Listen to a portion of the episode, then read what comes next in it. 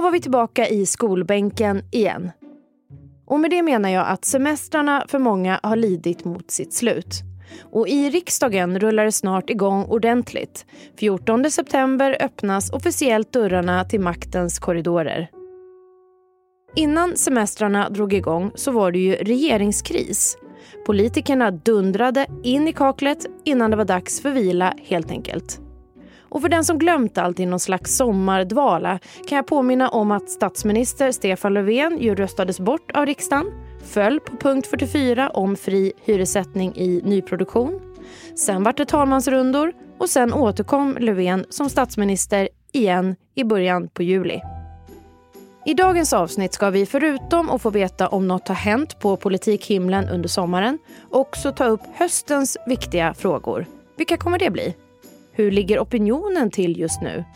Och hur ska det gå med regeringens huvudverk framåt? Budgeten. Det här tar vi upp i dagens Aftonbladet Daily. Jag heter Amanda Hemberg Lind. Och det gör vi med Lena Melin, Aftonbladets inrikespolitiska kommentator. För ungefär ett år sedan gjorde vi ett liknande avsnitt där Lena Melin fick svara på frågan hur politiksommaren varit. Då sa hon att alla var väldigt slut efter coronavåren. Då är frågan, hur blev det nu den här sommaren? När vi kan lägga till ännu ett pandemiår plus en regeringskris på det. Det enda som egentligen har hänt är att Vänsterpartiet har talat om vilka krav de ställer på regeringen för att rösta för deras budget. Så det är ju egentligen det enda värde som har hänt sen, eh, inrikespolitiskt sen Löfven blev återvald. Sen har det, eh, det hänt massa saker på den internationella fronten som har gjort att regeringen har, har agerat. Men, men eh, det är ju mer att de just har reagerat, inte proaktivt gjort något. Det har inte varit något utspel eller någon som har varit väldigt tyst eller något? Nej, alla har varit tysta utom Vänsterpartiet. Därför att de vet att nu, det här var sista semestern före valet den eh, 11 september nästa år. Sista semestern på väldigt länge. Ja.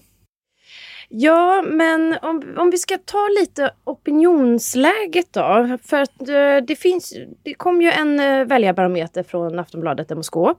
Fick vi veta lite då kanske antar jag hur det har gått och hur väljarna har reagerat på regeringskrisen kanske. Hur, hur ligger det till just nu? Opinionen har legat ganska still väldigt länge. Man kan ju säga att de två partier som har haft problem har fortfarande problem, det är Liberalerna och Miljöpartiet. De som ligger där lite mittemellan, eh, som Centerpartiet går det ganska bra för och Vänsterpartiet går det bra för. Och de tre stora partierna, de är fortfarande de tre stora partierna. Så egentligen har väldigt lite hänt på opinionsfronten på väldigt länge. Vad kan man läsa in i det här med att, för det är ju så att Vänsterpartiet ändå har, det är väldigt lite, men har ändå gått om Centerpartiet. Kan det vara ett kvitto på att eh, partiledaren Nooshi Dadgostar har fått eh, väljarna med sig på den? Tyckte att det var bra gjort eller? Jag tyckte att det här var ett väldigt onödigt sätt att bete sig som Vänsterpartiet gjorde när de utlöste den här regeringskrisen.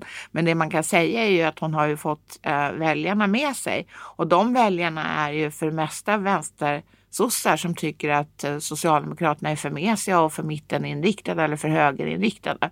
Jag tror att hennes framgång hänger ihop med den fråga som det hela handlade om, nämligen hyror. Lite framåt nu då. Um vilka blir höstens stora, stora snackisar? Jag tänker att kan det vara så att klimatet kommer ta större plats? Eller kommer brott och straff liksom komma tillbaka som innan pandemin? För det var ju det alla, näst, ja, nästan det enda alla pratade om innan pandemin. Så har det dykt upp lite igen. Och, men, men hur kommer det här att te sig? Höstens stora snackisar. Ja, när, det, när det handlar om det som människor pratar om, alltså väljarna, medborgarna, så tror jag att brott och straff är jättestort. Jag tror att klimatet eh, också är stort.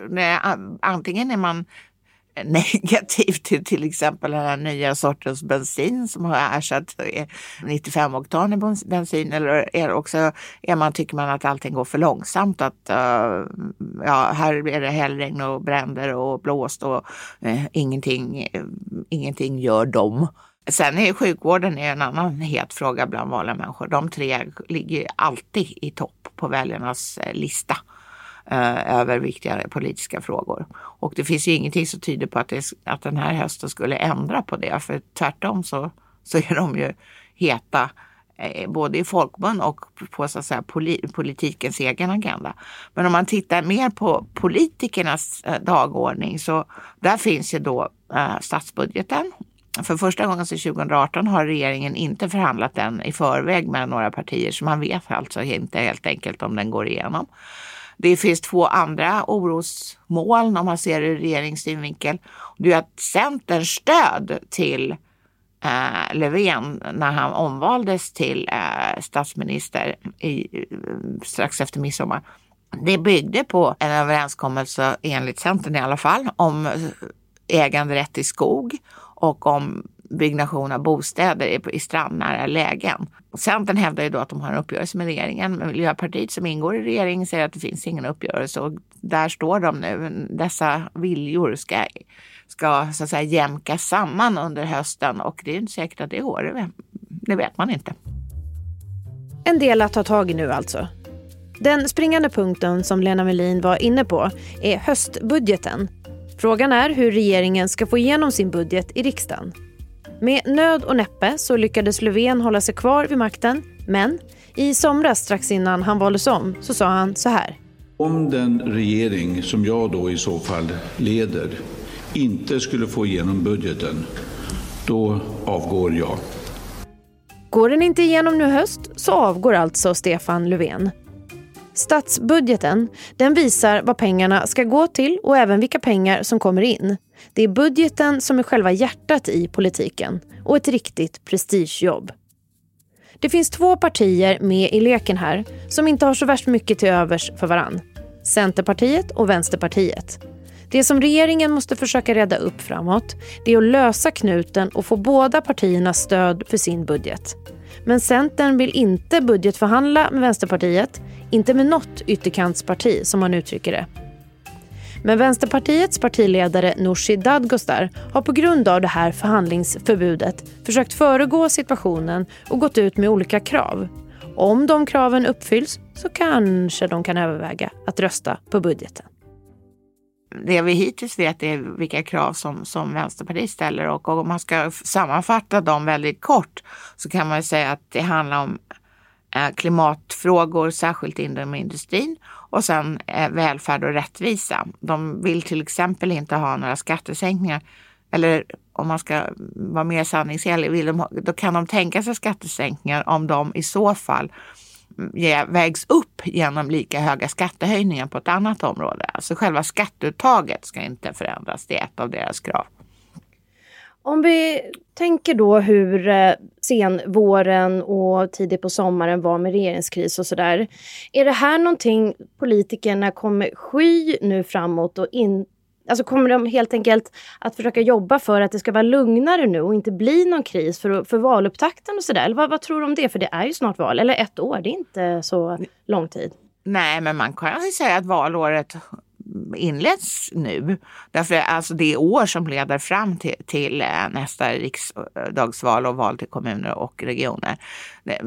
Den 11 september är som sagt ett år kvar så att mm, partierna kommer att vara väldigt inriktade på nästa val. Och alla partier har under hösten, eh, utom Vänsterpartiet som inte har bestämt riktigt ännu när de ska ha sin nästa kongress, eh, de har kongresser under hösten. Eh, först ut är Centerpartiet och eh, sist, eh, så vitt vi känner till nu, då Sverigedemokraterna och där de kommer att spika sin valstrategi eller de frågor som de eh, kommer att gå till val på. Så det blir en intensiv politisk höst. Men jag tror, ser ju inga tecken på att så stridsviljan skulle ha minskat och att, att det skulle finnas någon utrymme för uh, Löfven att begå några misstag utan att det mm, så att säga verkligen avspeglas i den politiska debatten. Det tror jag inte alls. Jag tror vi får en kaoshöst. Därför att det är så. Det är som ett inneboende maskineri i partier som de vill antingen ha makt eller också vill de få makt. Och eh, alltså ha makt, inneha makt, eh, som Socialdemokraterna och Miljöpartiet gör nu, de, de, vill ju inte mista någonting. De som inte har makten vill få den och de är beredda att gå ganska långt, precis som de gjorde här på försommaren, för att skaffa sig den makten. Och det finns liksom ingenting som kan hejda den där rörelsen om vi backar bandet till hur det var i våras eller på försommaren så, så, så var det ju ingen som hoppade på Vänsterpartiets krav på att fälla regeringen på grund av eh, ett utredningsförslag om eh, hyressättning i nyproduktion av bostäder.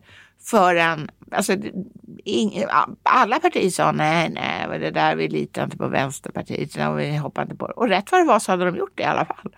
Och därmed var regeringens saga all för den gången.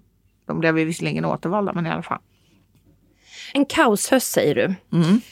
Hur, kommer det, hur kommer det kaoset att bli då? Vad, vad, kan vi, vad får vi vara beredda på? Alltså statsminister Stefan Löfven har ju redan ställt kabinettsfråga på budgeten. Han har sagt, går den inte igenom då avgår han. Så att vi kan eh, och jag, just för närvarande finns väl ingenting som tyder på att, att den skulle gå igenom. Så att eh, till exempel kan regeringen avgå där i månadsskiftet eh, november-december. Och då, ja, då kan det bli en ny sån här omgång som vi hade i juni eller också så blir det extraval. För det där är väl en, en gammal sanning som också har ändrats lite det här med att nej men det är må många politiker som vill fokusera på valet har ju många sagt och det är nej nu kommer det vara lugnt ett tag men, men det känns ändå som att stridsyxorna har varit man har tagit den. Det lugna, det är, det är inte det man fokuserar på, på utan Ver man tar det man kan så att säga. Verkligen, alltså det är alla sådana här gamla hedersregler eller vad man ska säga som, som, har, som har rått i politiken eh, jätte, jättelänge. De gäller inte längre utan det är en väldigt hård eh, atmosfär eh, och alla armbågar sig fram bäst de vill.